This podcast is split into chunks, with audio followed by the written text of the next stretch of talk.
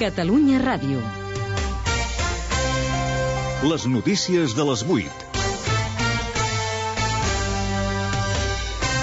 Bona tarda, salutacions. Us parla aquesta hora Martí Ferrero. Hora i mitja de reunió a la Moncloa entre el president espanyol José Luis Rodríguez Zapatero i el líder de l'oposició Mariano Rajoy i tots dos ja han comparegut en públic per donar-ne explicacions. En síntesi, suport del líder de l'oposició a les mesures excepcionals de l'executiu per fer front a la crisi financera i, en canvi, es mantenen els desacords al voltant del projecte de pressupostos elaborat per l'executiu socialista. Anem primer a la Moncloa. Sigfrid Gras, el president espanyol, ha qualificat la trobada d'útil i positiva.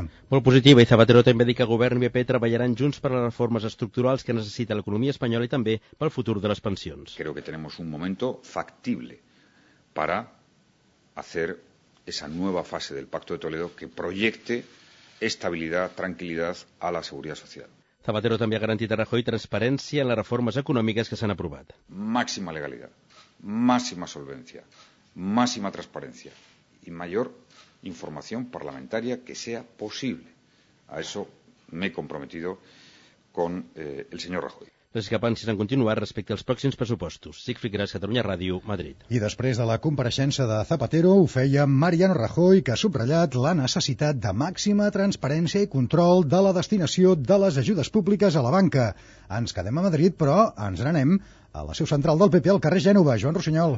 El líder del PP li ha transmès a Zapatero la seva disposició a donar suport a les mesures, sempre però que es modifiquin els decrets llei que s'han d'aprovar dilluns.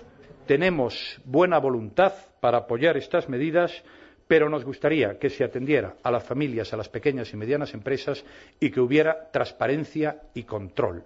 Dejar, como dicen los decretos leyes hoy publicados, simplemente a la decisión del Gobierno y del Ministerio de Economía y Hacienda cómo se manejan 25 billones de pesetas me parece que no es aceptable.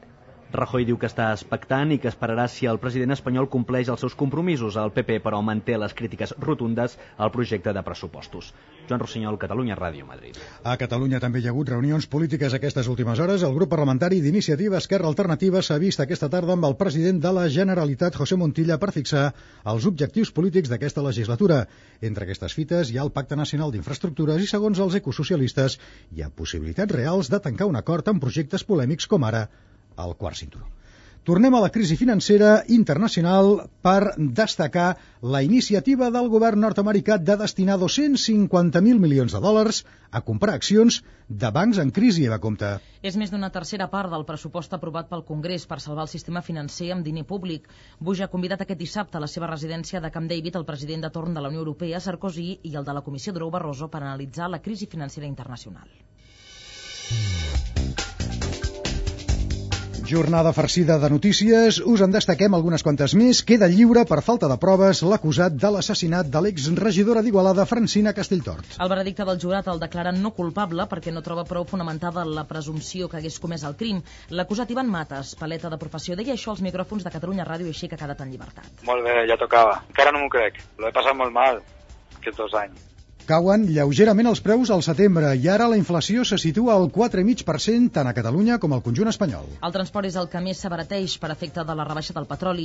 En canvi, vestuari i calçat s'encareixen. Neix a l'estat espanyol el primer nadó seleccionat genèticament per curar el seu germà gran. Ha passat a Sevilla i el nadó podrà salvar la vida del seu germà que pateix una malaltia congènita com a donant d'un transplantament de cordó umbilical. Zapatero visitarà Cuba. En resposta a la invitació que li ha formulat el cap de la diplomàcia del règim castrista, el govern espanyol veu amb esperança la represa de relacions entre la Unió Europea i Cuba, interrompudes durant quatre anys i que quedarà formalitzada demà passat en una reunió ministerial a París. La crisi treu el nas per allà on pot i ha disparat la demanda dels serveis socials a Barcelona ciutat. Els àpats gratuïts repartits pel Banc dels Aliments a entitats i menjadors socials de la demarcació de Barcelona s'han incrementat d'un 9%. Caritas ha atès fins l'agost tanta gent com durant tot l'any passat. L'Ajuntament de Barcelona ja ha dit que incrementarà un 15% la despesa en polítiques contra l'exclusió social als pressupostos de l'any que ve fins a arribar als 130 milions d'euros.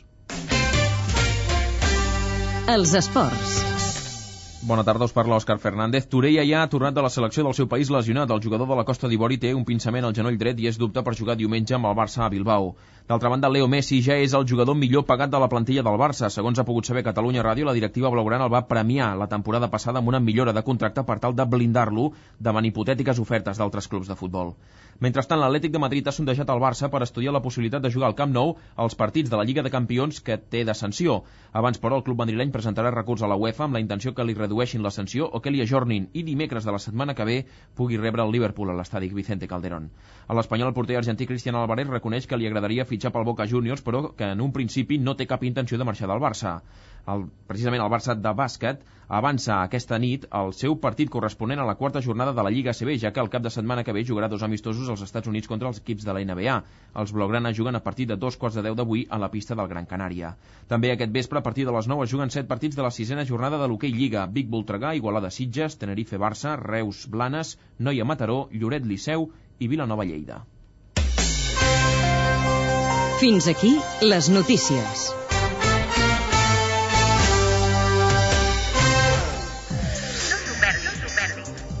No t'ho perdis. No perdis. Un cafè no és una beguda. Un cafè és sobretot un àmbit. Un àmbit per parlar, per escoltar i per reflexionar. Passin i seguin el Cafè de la República cada dia, de 9 a 11 de la nit, aquí, a Catalunya Ràdio. Aquesta nit quedem al Cafè de la República. Amb Joan Barril.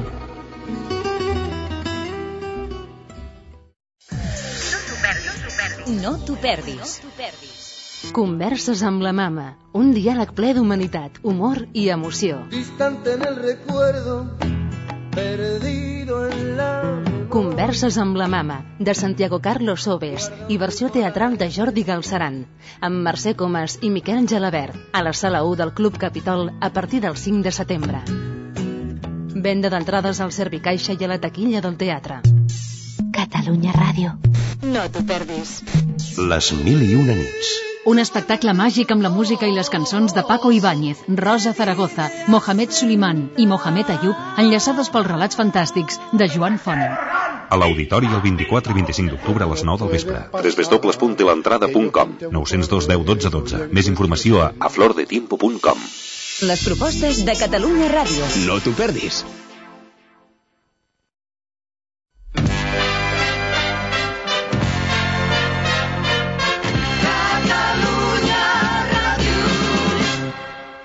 Molt bon vespre, avui a l'Ofici de Viure, Soc imperfecte. I què?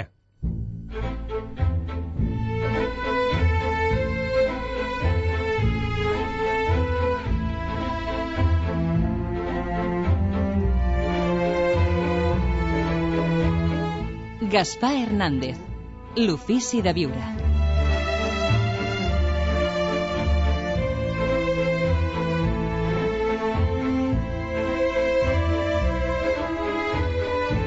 En un món competitiu com el nostre, sembla que haguem d'excel·lir en tot per sentir-nos realitzats. Tanmateix, la fixació per ser perfectes ens pot fer encara més imperfectes. Les persones massa perfeccionistes sovint cauen en la trampa de la pròpia exigència i queden bloquejades. Els estudis sobre rendiment laboral demostren que els treballadors que s'esforcen a millorar aconsegueixen una progressió positiva, mentre que els que s'entesten a trobar la perfecció sovint queden paralitzats en la seva feina, i això per un motiu molt clar. La perfecció és un ideal inassolible. A la perfecció només ens hi podem apropar millorant. Com deia Carl Schurz, els ideals són com les estrelles. Mai no aconseguirem tocar-les amb les mans, però com els mariners que naveguen enmig de l'oceà, les escollim com a guies i les seguim per arribar al nostre destí. El pintor de la Croix deia que l'artista que es proposa la perfecció en tot no l'aconsegueix en res. De vegades aquesta exigència amb nosaltres mateixos és una excusa per quedar-nos de braços plegats. Com que no podem fer-ho d'una manera perfecta, simplement no ho fem. Acceptar la pròpia imperfecció, en canvi, ens dona humilitat i un camí a recórrer. Quan som conscients d'allò que podem millorar i ho acceptem sense frustració, com un repte personal, aconseguim avançar. Els japonesos anomenen wabi-sabi a l'art de la imperfecció. En tot allò que és imperfecte, inacabat i, i temporal hi ha bellesa i potencial. A la natura res és perfecte i uniforme. Per això els artesans japonesos consideren més bonic un bol de te amb imperfeccions que no pas una tassa de fàbrica perfecta. Sant Agustí. La veritable perfecció de l'ésser humà és trobar la seva pròpia imperfecció. Soy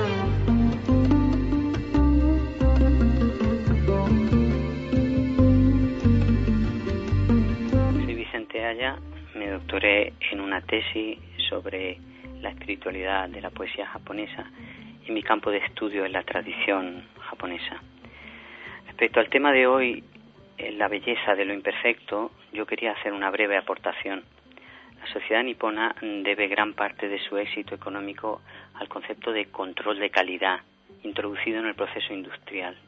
Es decir, en todas y cada una de las fases del proceso existe un desecho de todo producto que no cumpla estrictamente con las exigencias del modelo propuesto. Esto hace que la vida japonesa se desenvuelva entre objetos perfectos, platos, palillos, sillas, coches, no importa lo simple o lo complicado que sea un objeto, tiene que ser perfecto. Y frente a esta perfección de lo que se usa, de lo necesario, de lo cotidiano, y yo diría que de lo profano, se yergue el objeto artístico como algo tosco, asimétrico, deforme. La estética de la imperfección, recogida en la formulación del wabi sabi, defiende que el arte tiene por misión el logro de lo imperfecto. El arte imita la naturaleza y la naturaleza rechaza la perfección neurótica del objeto fabricado. Y es precisamente para resistir el tiempo, para poder seguir siendo contemplado año tras año, que el objeto artístico quiere asemejarse cada vez más a una realidad natural. Por eso los materiales tienden a ser degradables y su forma debe mostrar cierto grado de sufrimiento, desde el deterioro que conlleva la existencia. Lo perfecto simplemente es que no ha vivido, lo perfecto no ha sido gestado, no ha interaccionado con nada. Lo que es clónico no tiene sentido, porque los seres muestran precisamente en cómo son, en sus particularidades, en sus defectos, en sus limitaciones, la razón por la que han llegado al ser. Avui a l'Ofici de Viure de Catalunya Ràdio, Soc imperfecte. I què? L'art del wabi-sabi, l'art de la imperfecció. En parlarem. I demà, com fer front a l'estrès provocat per una mudança. Les mudances són una de les principals causes d'estrès, encara que no ho sembli, de la nostra societat. L'Ofici de Viure és un programa coordinat per Jordina Terrer, amb guió d'Elisabet Pedrosa i Francesc Miralles, amb producció d'Elisabet Espuny i amb realització tècnica de Josep Maria Campillo.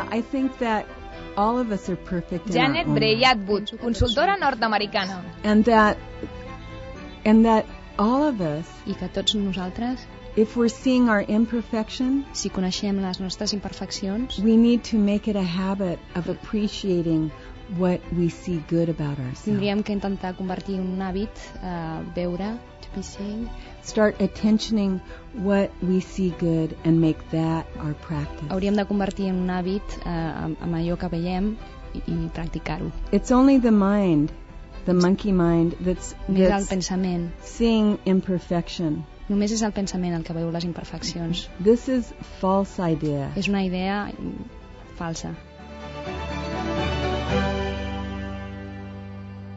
D'aquí un minut arribarem a un quart de nou del vespre a l'Ofici de Viure. Saludem Begoña Oriozola, psicòloga, Begoña ben retrobada, Hola, Francesc nit. Torralba, professor de filosofia de la Universitat Ramon Llull, benvingut, i en Jaume Isal, terapeuta. Molt bona Bona nit. nit, gràcies. Bé, Begoña, vostè és psicòloga, vostè és imperfecta?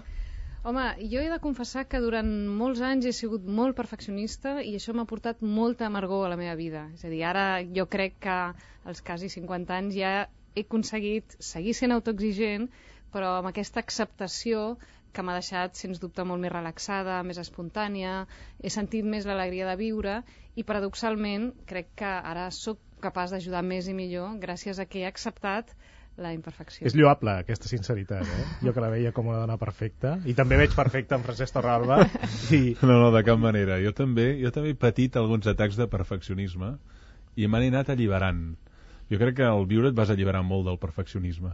Això no vol dir que no t'exigeixis fer les coses ben fetes, però certament el perfeccionisme porta a una amargor de cor immensa uh -huh. i a una espècie de vida molt, molt trista, no? molt centrada només en veure els defectes, els elements negatius, i al final això no és viure, eh? no és viure. Tampoc l'altre extrem, que va amb una espècie de relaxament en què un, doncs, senzillament no s'esforça per ser allò que està cridat a ser o allò que ja és, això també és negatiu, però el perfeccionisme és terrible i no deixa viure els altres tampoc. Sí, perquè en els dos extrems eh, estem paralitzats, no hi ha evolució, no hi ha creixement. Exactament, el perfeccionista perquè lògicament es creu que, bueno, que ha arribat i l'altre perquè no pot fer res, és tan relaxat, està tan deixat que tampoc creu que pugui fer res. Però, Begoña, imagini's que vostè ara vol construir una taula, com la de l'estudi. Sí. Si és perfeccionista, probablement té més possibilitats que aquella taula surti millor que no pas si, si tant se val tot. Eh, no, perquè una cosa és voler-la fer bé, és a dir, posar tot el teu cor amb el que fas, però sense aquesta aquesta com posar-te el llistó tan alt, aquest bloqueig que tens de que si no pots acceptar que tu no la puguis fer exactament eh, perfecta, no? redundando. És a dir, el que ho, ho té ben treballat entendria quines són les pròpies limitacions, les de la fusta, les del pressupost, les de la taula, les pròpies, i dintre aquestes limitacions faria el millor que podria. Gaspar Hernández, L'ofici de viure. Un programa sobre conducta humana.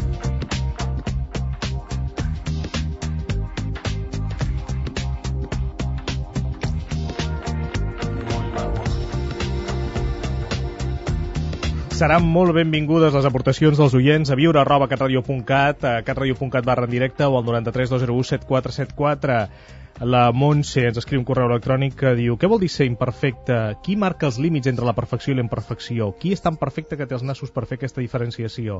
El que és perfecte per mi potser és imperfecte per en Gaspar, diu la Montse. Eh, millorar ho podem millorar tot, diu, però això és cap problema.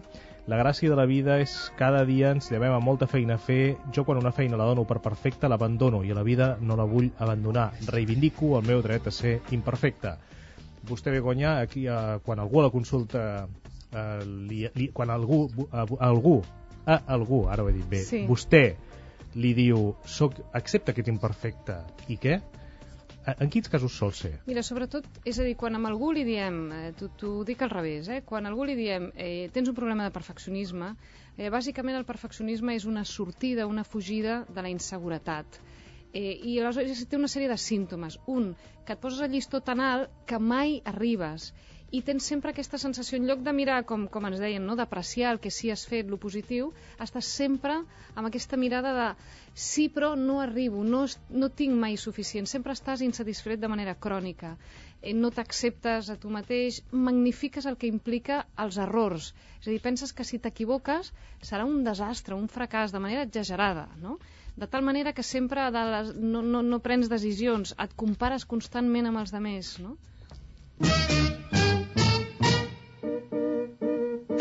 John Henry Newman. No faríem mai res si haguéssim d'esperar a fer-ho tan bé que ningú ens pogués trobar cap defecte.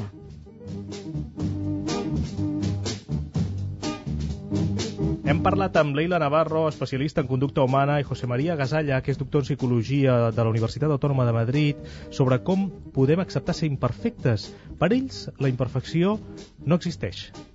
E podem me chamar de feia, de burra e de gorda, que eu não me importo, eu não me dou importância a isso, porque feia eu sei que não sou, burra eu sei que não sou, e gorda eu sei que estou. Então, se quando tu tienes claro quais são tu tu situação, porque não é nem debilidade e nem é talento, é uma situação. Tu tens que ter claro tus situações e aproveitar dessa situação o melhor possível. Então, se quando tu não sabe trabalhar com tu talentos, tu talentos pode se tornar uma, uma debilidade, Pode tornar tão exagerado, tão exagerado, que pode estar contra ti mesmo e não a favor de ti mesmo. Então, tudo que tu tienes, tu tienes que saber administrar, trabalhar e pôr a serviço para o melhor de los outros. Porque de nada sirve tu ter talentos, ou tu estar vivo, tu, tu estar com as pessoas, se tu não te põe a serviço, se tu não, não te põe para, para, para que isso possa fazer com que crescemos junto, com que desenvolvamos junto, desenvolvamos junto, do que criamos alguma coisa juntos, não?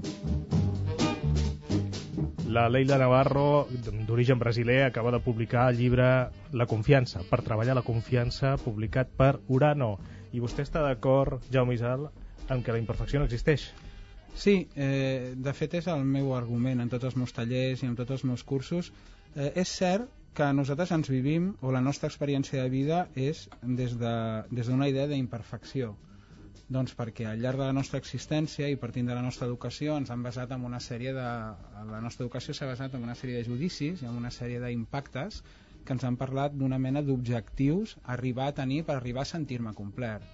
Eh, no oblidem que imperfecció vol dir no complet Aleshores, eh, la necessitat imperiosa de sentir-me realitzat a la mesura que jo vaig aconseguint aquestes coses que no depenen tant de mi com de fora, per una altra banda contrasta amb una part de mi a dintre on, on jo ja em puc viure, on jo ja sóc aquesta perfecció, si anem un punt més enllà, un punt més espiritual, podríem dir d'alguna manera, aquesta mm, tensió entre el que sóc i el que crec ser és el que, des del meu punt de vista, crea els grans problemes d'avui en dia.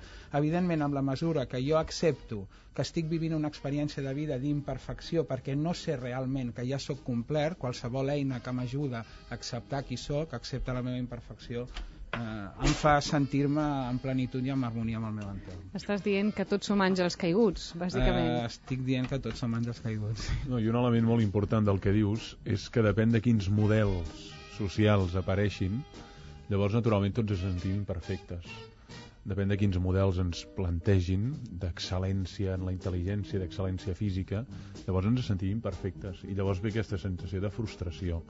Jo ho he sentit dir d'algun alumne a vegades a classe, diu, quan no surto de casa em sento bé, però quan surto i veig a les tanques publicitàries com ha de ser un cos 10 d'una dona, llavors em sento molt malament.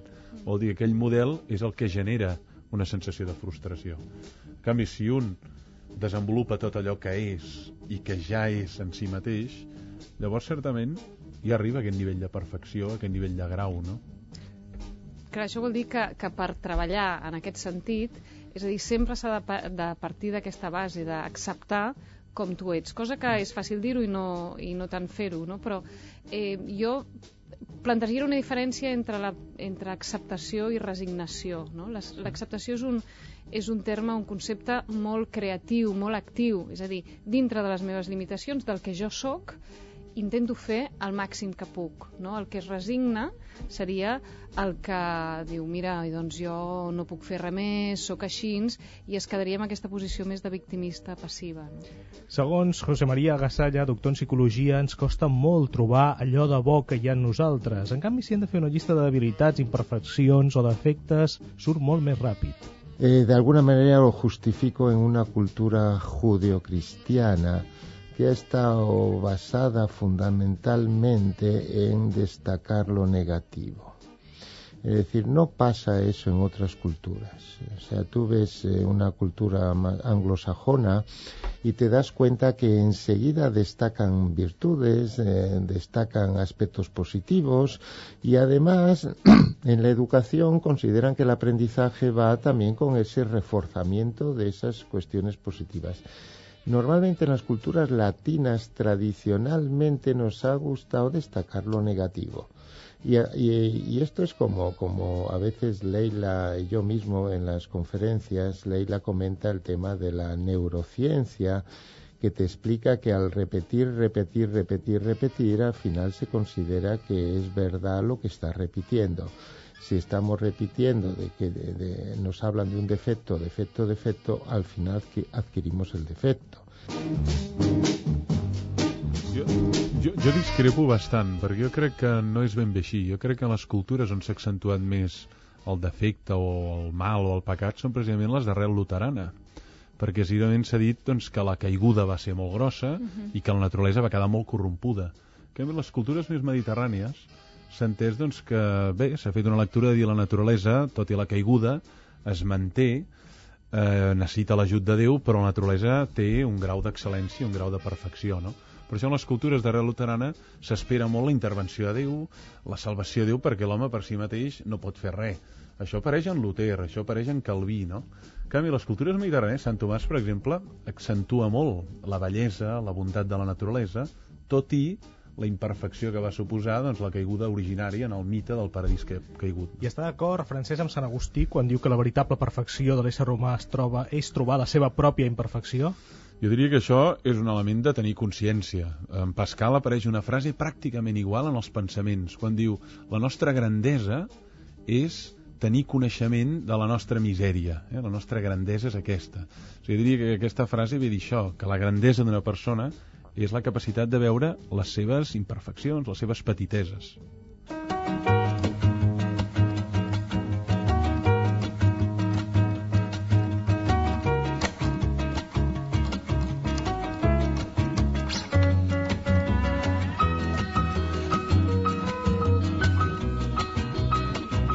Karen Neif de vegades lluitem tant per ser perfectes que oblidem que la felicitat és també acceptar que som imperfectes.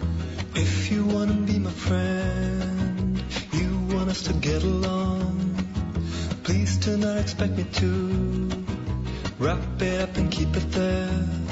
The observation I'm doing could easily be understood. A cynical demeanor, but one of us misread. L'Anna ens envia un correu aquest, en què diu eh, Don Perfecte i Doña Perfecta són impecables, destaquen en diferents àmbits i són brillants, dediquen tanta energia a ser perfectes que s'obliden de viure. Alguns no tenen ningú esperant a casa i d'altres s'obliden dels que tenen. Són éssers molt sensibles a la crítica i al fracàs, mai no accepten l'error, els fa por allò que sigui diferent i innovador. La seva obsessió per tenir-ho tot controlat inclou persones i situacions, ens diu l'Anna, a la qual agraïm aquesta aportació. I a catradio.cat barra en directe ens ha escrit el seu comentari la Cristineta. Diu, el meu perfeccionisme em paralitza totalment i m'angoixa moltíssim i no sé com superar-lo. Begoña Oriozola, psicòloga. Eh, entenc que és difícil, eh? Jo una de les, eh, a propòsit d'algú que deia també la Leila, una de les coses que els demano als meus clients és que cada dia, abans d'anar-se'n a dormir, eh, escriguin tres coses de les que en el dia del dia que se sentin orgulloses, no? Coses que li hagin agradat d'algú que ha pensat, que ha fet, eh, perquè és veritat que tenim aquest entrenament de veure sempre lo negatiu, no? Després, jo li diria que pensés en pues, tres coses, o les que sigui, que l'ajudessin amb ella, a sentir-se millor, i que les faci. Pues, el, per algunes persones és fer-se un massatge de tant en tant, és anar a caminar, és eh, estar llegint... És a dir, que es dediqui també a regalar-se coses que l'ajuden amb ella a sentir-se millor, no? I després que recordi algun moment a la seva vida que ha fracassat, entre cometes, estrepitosament. O sigui, que algú li ha sortit malament, que algú l'ha abandonat, que alguna expectativa s'ha trencat i que recordi com ho va superar. És a dir, perquè segur que va sobreviure amb això i que, malgrat això, segueix endavant. Mm. I que recordi això per motivar-se a tirar. Jaume Isal? Amb la línia de les eines que comenta la Begonya, hi ha una, una eina molt, molt maca precisament per, per sentir aquesta perfecció que és un, no? fer-se una llista amb tres o quatre coses que un creu que necessitaria que passessin perquè la seva vida fos millor a nivell sempre té que veure doncs, amb tenir, ser o sentir no? que són les tres grans mancances en les que hem estat educats la voluntat, la intel·ligència i l'emotivitat, no? que pròpiament ja ho som i som complerts amb aquests aspectes. Un cop nosaltres hem fet aquesta llista d'aquestes tres o quatre coses que jo necessitaria sense cap tipus de, de censura, és a dir, en plena llibertat per imaginar allò que jo necessitaria per ser feliç, és molt conscientment de que estem fent un exercici imaginar que això passa imaginar què està passant. En el moment que nosaltres conscientment estem imaginant que això està passant, comencem a sentir una sensació de benestar, de plenitud, no? de força, d'energia.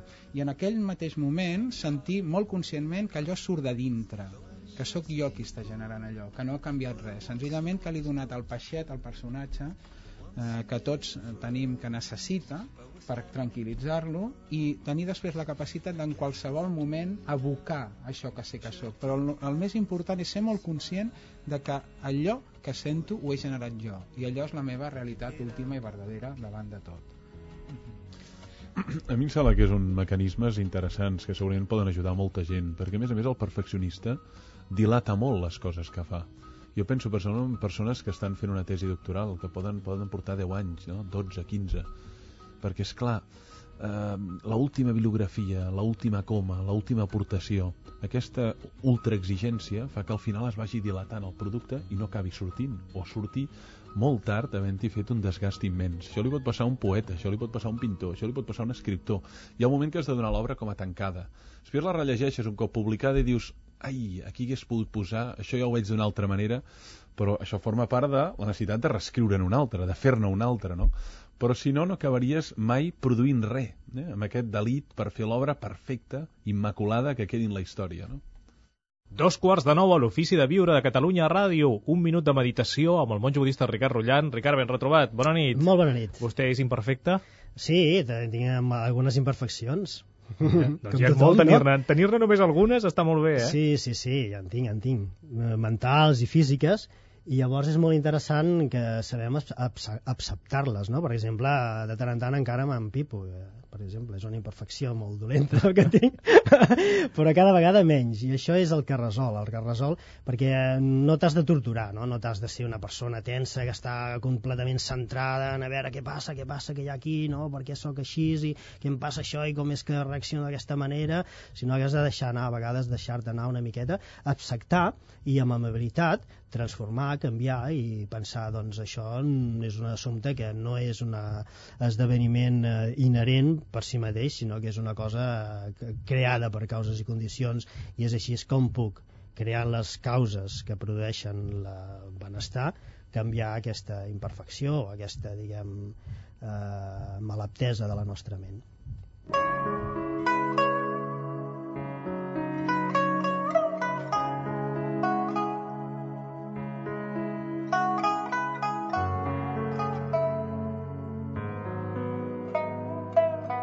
Ricard Rullant, mestre budista, endavant amb el minut de meditació.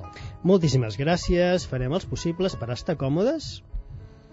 Clar que sempre trobarem alguna tensió i llavors eh, hem d'acceptar-la, però deixar afluixar, deixar anar còmodament, posar l'esquena recta i desenvolupar aquesta ment, aquesta ment que pensa en beneficiar tots els éssers mitjançant accions com la meditació, accions molt bones. Llavors, treballar aquesta, diguem, imperfecció de la ment, que és la, la distracció, canviar-la ara per una atenció conscient, observant com l'aire entra i surt, i fent-ho molt agradablement, de forma còmoda, tranquil·la, sense eh, tenir eh, massa tensió en fer-ho. No et preocupis, no hi ha costum, a vegades és la manca de costum més que res. Llavors és qüestió d'anar acostumant la ment a quedar-se quieta, estabilitzada, observant com l'aire entra i surt. Fixa't bé. Inhalació, entra, exhalació, surt. Això t'ajuda a concentrar-te, a tenir més presència de tu mateix i entendre que depèn exclusivament de tu el millorar-te, el transformar actituds nocives per actituds positives però t'hi has de posar i has de conèixer la teva pròpia ment. I és així com ajudaràs a tots els éssers a ser feliços.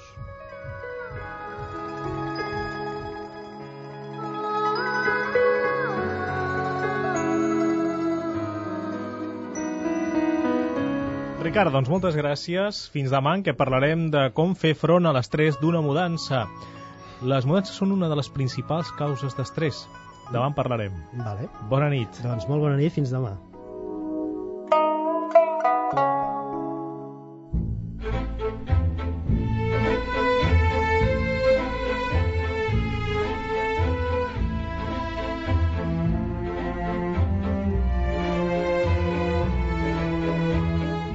Gaspar Hernández, l'ofici de viure.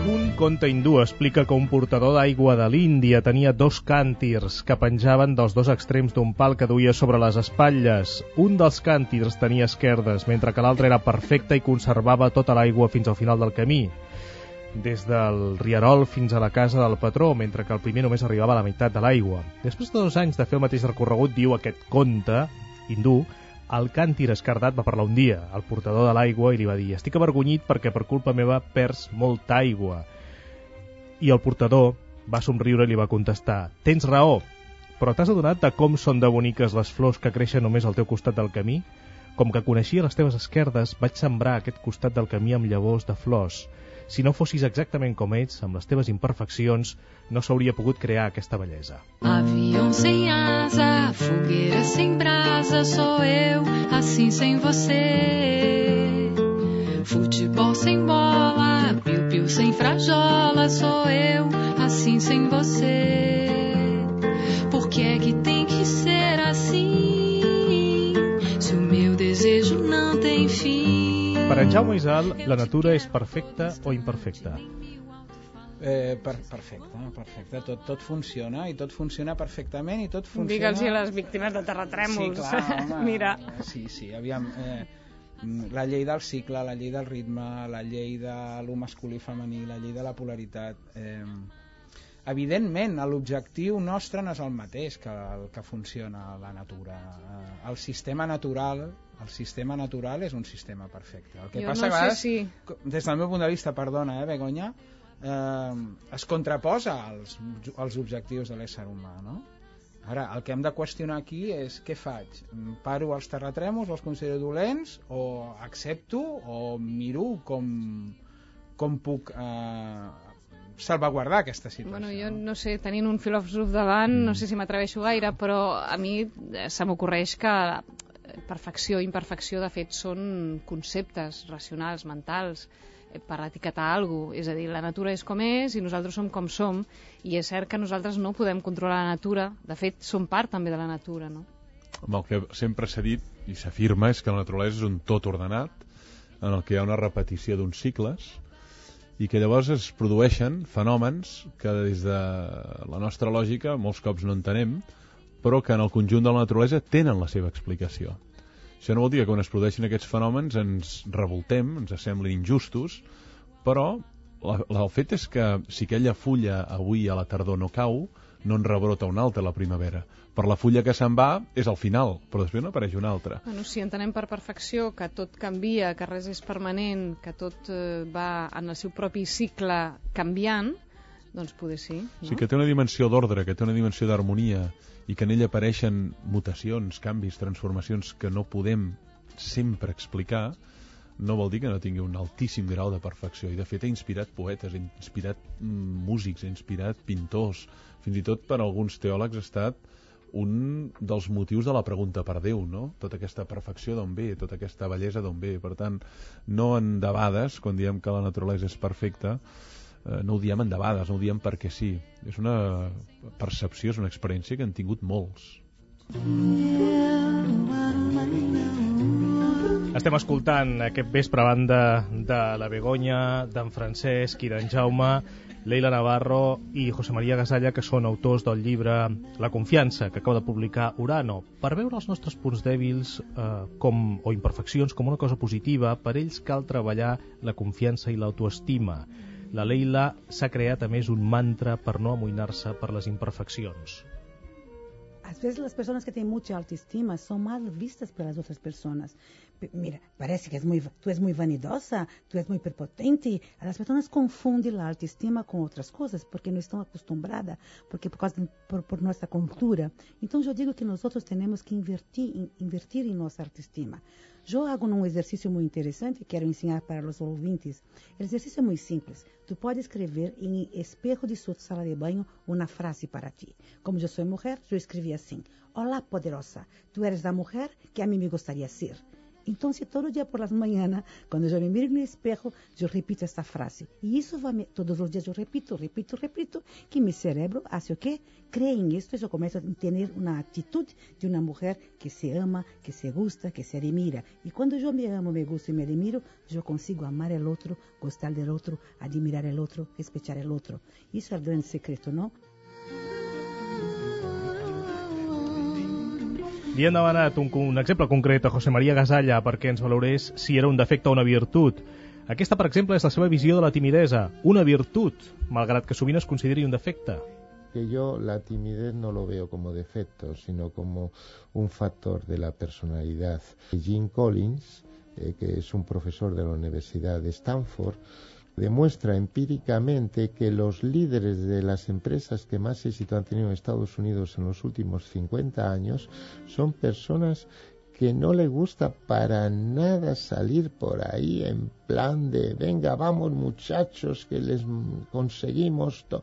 no no son personas más bien calladas son personas que eso sí tienen muy claro con su objetivo saben de quién rodearse y son personas eh, generosas y humildes puesto que los éxitos se los da a sus colaboradores y, su- y los fracasos se los asumen ellos mismos con lo cual a veces pensamos que una persona un poco callada es una persona que está en desventaja. Voilà combien de jours, voilà combien de nuits, voilà combien de Ve a la temps. seva consulta a Begoña Odriozola i li diu és que jo sóc imperfecte, per exemple, perquè sóc una persona tímida. Sí. Què puc fer? Bueno, entre altres coses, pues, a lo millor et diria, si no fossis eh, perfeccionista, què faries que no fas ara? No? I aleshores eh, pensa en la teva resposta i després et preguntaria què t'impedeix fer-ho igualment, encara que siguis perfeccionista?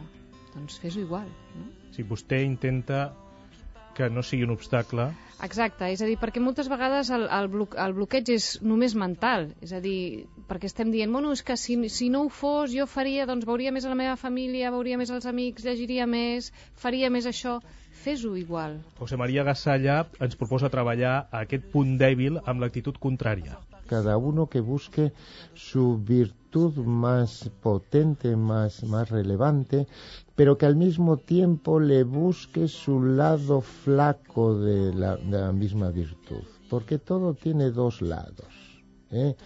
Tú puedes ser una persona que te gustan las cosas bien hechas y al final puedes caer en la parte negativa de ser demasiado perfeccionista, por ejemplo.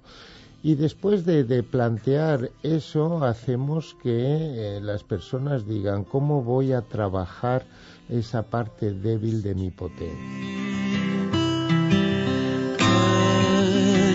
Le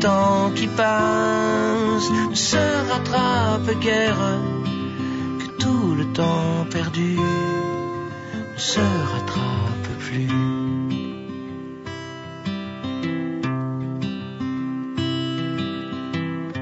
Beau t'aimer encore, j'ai beau t'aimer toujours, j'ai beau n'aimer que toi, j'ai beau t'aimer d'amour, si tu ne comprends pas. Com podem, Begoña, aspirar a la perfecció sense capficar-nos?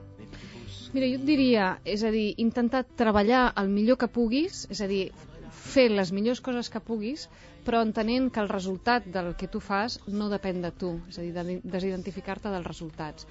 És a dir, posar al màxim, la màxima energia, el màxim esforç i deixar els resultats que surtin com hagin de sortir. Hi ha, hi ha una imatge que vaig llegir, ara no recordo on, perquè també som molt, molt imperfecte, que era Jordi Llavina, bona nit. Hola, bona tu potser nit. la recordes, que és el, la persona que està sembrant blat, que no es preocupa per... O sigui, que el que fa és sembrar. I, el que, i clar, cada llavor pot, pot créixer, pot no Mm. créixer, depèn del vent, depèn de la humitat, depèn del sol, depèn de tants factors que no et pots capficar molt en el resultat. Quina Però sí que tan maca, has de sembrar això. bé, has de Sí, sembrar bé, perquè sí. això sí que depèn de tu. I sembrar amb tot el cor i amb tota la teva atenció posada allà, però després ja no depèn de tu. Aquesta és una imatge molt evangèlica, molt de cultura agrària, no? Sembreu i altres recolliran. Jo crec que, a més a més del que ha dit la Begoña, hi ha un altre factor, que és que hem de ser molt crítics i molt lliures respecte als cànons estètics que ens plantegen, no? Mhm. Perquè com més te'ls creguis i més els segueixis acríticament, més tendència tens a sentir-te imperfecte, no? En canvi, si tu ten, mantens una distància crítica, una certa mirada relativa respecte als cànons de perfecció que ens imposen, llavors ets molt més lliure, ets molt més independent, no? No tens aquestes eh, diguem-ne, obsessions, aquestes cabòries, perquè no arribes als graus de perfecció que ens imposen per tot arreu. Per imposar-te estàndards que no són el propi, que no són el teu. Exactament. Sí. Exactament. Això, Francesc, està molt bé dir-ho mm, per part teva, que deus fer metre 80, ets primet i, i Home, deus tu tenir tampoc molt... estàs malament, Jordi. Bueno, però jo sóc un més rebassut. Però i deus tenir èxit entre les alumnes. Però clar, explica un altre això, explica un altre. Eh, Allunyar-nos d'aquests canons, no? Jo, jo crec que un dels problemes fonamentals és veure mm, tant la perfecció com la... O sigui, deixar de ser eh, imperfecte com arribar a assolir la perfecció com un objectiu. És a dir, la necessitat de que les coses siguin d'una determinada manera, fins i tot jo, respondre la necessitat de respondre davant de la vida d'una determinada manera és el gran problema. Mm. És a dir, eh, si nosaltres comencem per acceptar aquest eh, personatge, que no em canso de repetir, que és la base de tot el treball, observar que la nostra ment hem elaborat aquest personatge.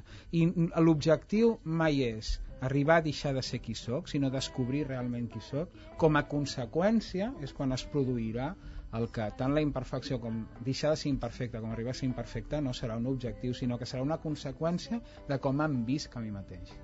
La Carme ens pregunta què hem de fer amb la imperfecció de la gent que ens envolta, Begoña. Què podem fer per ser indulgents? Mira, t'ho diré ràpid i a lo millor citant a Epicteto, és a dir, distingir entre les coses que depenen de nosaltres i les coses que no depenen de nosaltres. Ocupa't de les coses que depenen de tu amb tota l'energia i oblida't de les coses que no depenen de tu, aprèn a acceptar-les. O sigui, accepta les persones com són. Sí, és a dir, És un pensament molt estoic, molt de Pictet, és a dir, accepta-les i també reconeix allò que tenen de bo, no? Però accepta-les i quan no es poden canviar, no t'entossudeixis en canviar-les. És perdre el temps, malbaratar els esforços, afajugar-se per no res. en, en aquest accepte hi ha una confusió que tots tenim que és entén-les eh? i tots diem és que no entenc eh? no, no, no fa falta ni entendre accepta accepta, no jutgis en el moment que deixes de jutjar en el moment que aprens a acceptar la teva imperfecció d'experiència de vida aprens a acceptar la imperfecció de l'altre de fet la gran caiguda la separació de la consciència de Déu que som tots que es referia al Francesc apareix en el moment que algú jutja i diu això no és perfecte no? doncs és quan caiem del paradís evidentment i quan tot comença a ser complicat perquè perdem consciència de formar una unitat que funciona i funciona d'una manera natural i perfecta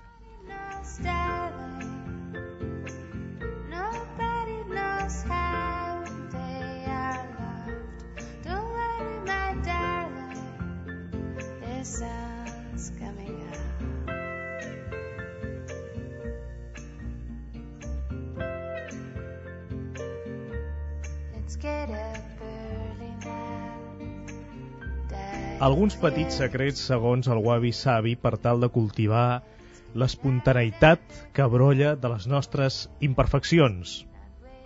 Atenció, eh, Jordi? Mires a mi, no? Sí, perquè n'hi ha una, per exemple, escriure haikus. Sí. Eh? Que, és a dir, descriure en tres pinzellades poètiques la bellesa d'una escena, no? El haiku pot ser un bon camí perquè els haikus no pretenen ser perfectes. Sí, no, no, no hi ha però- mètrica... Molt bé. No, no, no, sí, sí que hi ha mètrica. Uh, hi ha un còmput uh, silàbic, tant el haiku com la tanca, molt, molt clos. El Però la és molt gràcia més del fa- haikus és que, que una peixatera doncs, en pot escriure un de brillantíssim, no? I que sigui una obra mestra. Sí. I que, i que ells els, els usen com si diguéssim a la vida quotidiana. Sí, però, però si tu eh, ets un poeta que vols eh, assajar cotes de perfecció molt altes, agafa un model com el sonet o la sextina i, i escarrassa a veure, jo Però simplement... precisament el que vull dir és ja que, sé, te, sí, entenc que els el que dir. que precisament els haikus el que es Sí. valora és que no intentin ser perfectes. Ja ho sé, el que passa que deixa'm trencar una llança en contra els haikus fets des d'aquí. És a dir, el haiku respon a una mentalitat eh, oriental, nipona, molt clara, en el qual només hi ha una imatge relacionada amb la naturalesa. Quan els poetes occidentals fan haikus, molt sovint, eh, al meu entendre, fan no únicament haikus, sinó també el ridícul. no, de Altres veritat, passes- no, de veritat, és que, és que ja n'estic una mica tip de tanta gent que fa haikus i tot jo això. que us escolta. anava a dir allò de Sí. estanc daurat, salta de la granota, Ah, sí? xof. Exacte, Ah, no, no, el, el, bonic. aquest era el, el del Matsuo. Basho, el, el, el, el haiku probablement més famós de la història és aquest de Matsuo Basho, que és el so de, la- de l'aigua, la granota saltant, no sé com més, ben bé com has dit tu, Xop. Begoña. Xop. Però, és fantàstic, però, clar, quan ho diu un d'aquí, se li veu més enllà. Altres pistes per cultivar l'espontaneïtat que brolla de les nostres imperfeccions, segons el Wabi Sabi. Aprendre cal·ligrafia japonesa. Cal·ligrafia japonesa on es considera que el traç més bonic és l'inacabat. Dibuixar amb la mà esquerra, per trencar la rigidesa i la racionalitat. O amb el peu. Iniciar-se en l'ikebana, que treballa amb l'harmonia de la irregularitat. O fer-se amb argila la pròpia tassa, sense ajut de cap torn. T'imagines? No, està molt bé. I quan deies això, a més a més d'escriure amb el peu, ha, o pintar amb el peu, hi ha gent que ho ha hagut de fer per mort d'algun problema que ha tingut i que, i que no han volgut fer-ho malament, sinó que han volgut mm, atènyer també una certa perfecció pintant, quants no en coneixem, no? I de vegades per Nadal ens arriben aquells calendaris pintat amb el peu.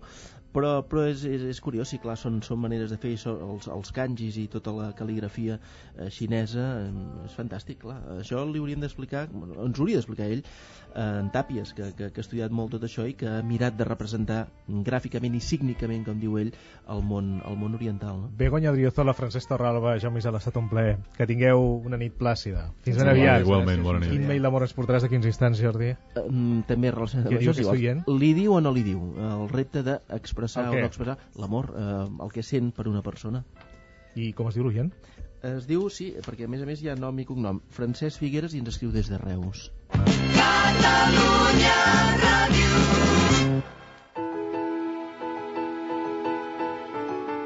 Cuida't. Espai de salut Tecnon.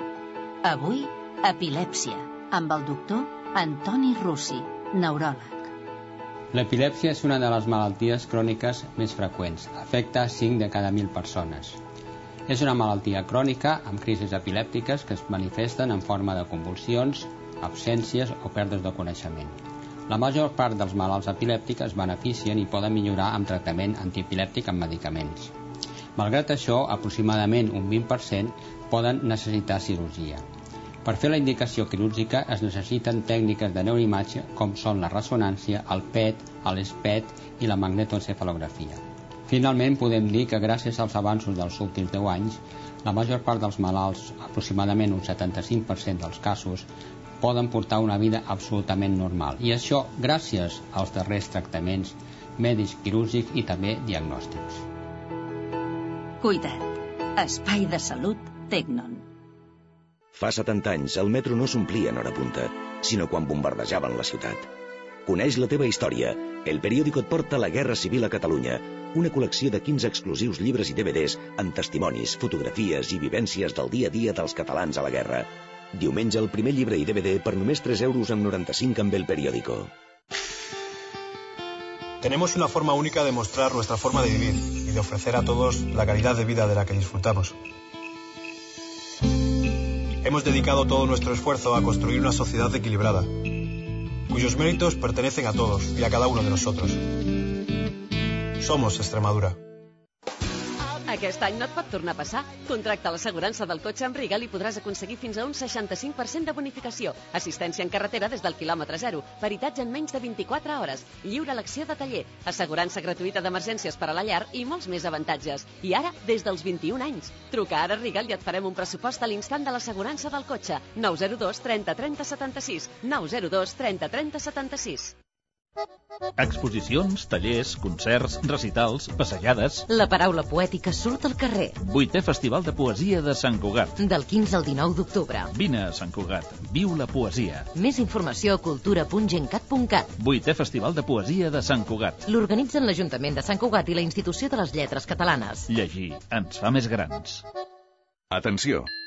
Aquest és un exemple de la hipoteca quota reduïda de Don Piso. Per la compra d'un pis de 240.000 euros, només pagaràs 696 euros al mes amb una hipoteca al 100% i sense entrada. Increïble, oi? Amb la hipoteca quota reduïda de Don Piso, si vols, pots. Truca al 922 22 22 o informa't a qualsevol de les nostres oficines. Ara mateix, pots entrar a l'espai interactiu de Catalunya Ràdio catradio.cat barra en directe. per expressar-te, per donar la teva opinió o ampliar informació sobre els temes que estem tractant a l'Ofici de Viure, Connecta't a catradio.cat barra en directe. En directe. la ràdio amb valor afegit. Catalunya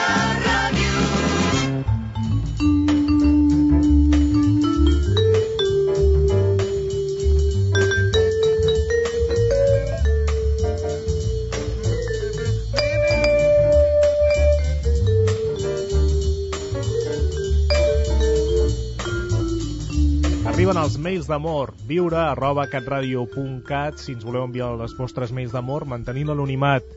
Si, O no. Si, o no. no. Tot, tot depèn del que ens demaneu vosaltres. El que ens demaneu va a missa. Endavant. El curs passat vaig fer de professor en una escola de Reus mentre acabava l'últim any de carrera. A més de professor també tenia la funció de tutor. Amb un dels meus alumnes es va crear una connexió especial molt agradable i amb molta confiança. El mateix va passar amb els seus pares, o més ben dit amb la mare, ja que fa 7 anys es va divorciar. Al principi ja em va causar molt bona impressió, però aquesta va anar augmentant fins al punt que ell em va captivar. No era una simple relació mare-tutor, hi havia alguna cosa més. Sovint semblava que ens havíem de dir alguna cosa més. Les converses s'allargaven fins que un dels dos s'acomiadava. Per mi no és una barrera, però potser per ella sí, el fet que ella tingui 35 anys i jo, com he dit abans, 23. A més, té un fill i pot pensar que, tot i que tots dos sabem que som solters, això em fa frenar. A mi sí que m'agradaria començar una relació amb ella, i sé que vosaltres, sobretot en Jordi, m'hi animareu a intentar-ho, però el problema és que no sé com fer-ho. Aquest any no faig de professor, tot i que tots dos estàvem convençuts fins fa poc, fins poc abans de començar el curs, que ens seguiríem veient en les reunions de tutors. Tot i així ens veiem, no amb tanta freqüència, però som del mateix barri, sovint ens creuem. Què puc fer? Com puc actuar per demostrar-li que m'agradaria i molt estar amb ella i el seu fill, que em conec i que no és una cosa passatgera de la joventut? Potser ella ja m'ha enviat aquests senyals i jo no ho he entès per la meva inaptitud en aquests termes. Sé que en el risc hi ha la felicitat, però no sé com arriscar-me. Segurament dient-li el que he escrit, però com? En quina situació? De quina forma? Feu un molt bon programa, gràcies per escoltar-me i fins aviat. Francesc Figueres, des de Reus. Doncs moltes gràcies, Francesc, i una abraçada. En Francesc de Reus és mestre d'una escola. Durant l'any passat va començar una amistat, diem-ne així, amb la mare d'un dels seus alumnes. Ara ja no treballa a la mateixa escola, però nota que sent alguna cosa més que amistat per aquella noia o senyora. S'ha d'arriscar i dir-li, Jordi? Sí, sí, sí, sí s'ha d'arriscar. Però, a veure, Com? primer de, no, pri, primer de tot, el fet de donar-t'hi moltes voltes, eh, ja, això s'ha de desencallar. Que li has de dir és evident. Com? Bé, aquí hi ha la, la mare dels ous, no? És evident que no ets una persona de tarannà arrauxat, que ets una persona ciençada, assenyada, per tant no faràs una declaració allò. De fet, no hi ploure, ho faràs bé. Hi ha un llibre que es diu La seducció de les paraules d'Àlex Grigelmo, publicat per Taurus, en el qual hi pots llegir això. La seducció, explica l'autor, no es dirigeix a la zona racional de qui rep l'anunciat, sinó a les seves emocions, i situa en una posició d'avantatge l'emissor perquè aquest coneix el valor ple dels termes que fa servir, en coneix la història i el perfum. I deia Stendhal que l'amor és una bellíssima flor, però cal tenir el valor d'anar-la a collir a la vora d'un precipici. Tu ja en coneixes, la, naturalment, la bellesa d'aquesta flor. Ara simplement cal que la vagis a collir a la tim, o, o arran de timba, no? Què hi pots perdre? Poca cosa. Per tant, hi ha un plus de valentia que aquí has d'expressar, Francesc, de manera clara. Estic convençut que convindràs a mi que és molt més el que em pots guanyar que no pas el que, el que pots perdre'n. Com ho has de fer? Mm, eh, segur que en tens el telèfon. Fent-te trobadís. Hi ha molts llocs molt agradables a Reus, a mi és una ciutat que m'encanta, en els quals pots eh, trobar-te amb ella, en els quals pots quedar amb ella al Cafè de Reus, el Teatre Fortun si ha, ha començat la temporada, eh, la Ferreteria, mil llocs de Reus ideals perquè una parella comenci a forjar alguna cosa diferent de la que fins ara han tingut. Uh, jo crec que tot això ja ho has decidit, en el teu correu electrònic hi veig una, una, una, una fermesa i per tant no hi ha volta de full. Naturalment que hi ha risc, però on no hi ha risc i sobretot les coses importants de la vida, quines d'aquestes coses no impliquen un risc? Què diu Yolanda Susín, psicoanalista? Molt breu però també molt clar. Diu que en Francesc eh, ja ho ha fet, tot això, que, que ja, ja, ja, ha fet, ja ha pres una decisió, ja ha explicat el seu cas, ha signat amb el seu nom, ho ha fet eh, a públic, eh, ho ha cridat als quatre vents, si se'm permet, diu l'expressió. Per tant, quin sentit tindria com si res, com, com si no fes res? És a dir, per tant, s'hi ha d'abocar, ho ha de dir d'una vegada per totes.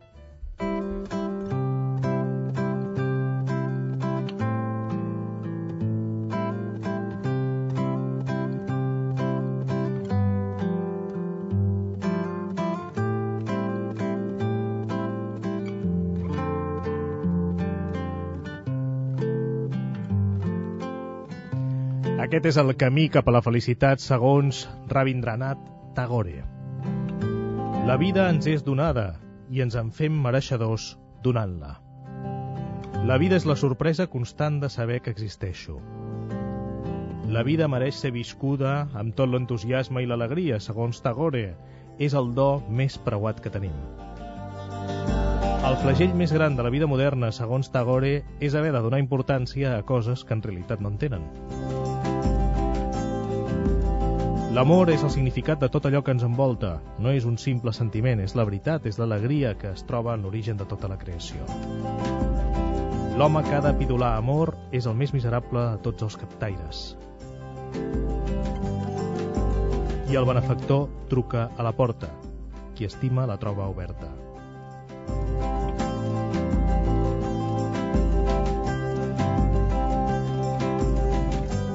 Tornarem demà a les 8, els deixo amb l'Ofici de Viure, els deixo, perdó, amb Joan Barril i amb el Cafè de la República. L'Ofici de Viure torna demà parlant de les mudances, de l'estrès provocat per les mudances. Molt bona nit.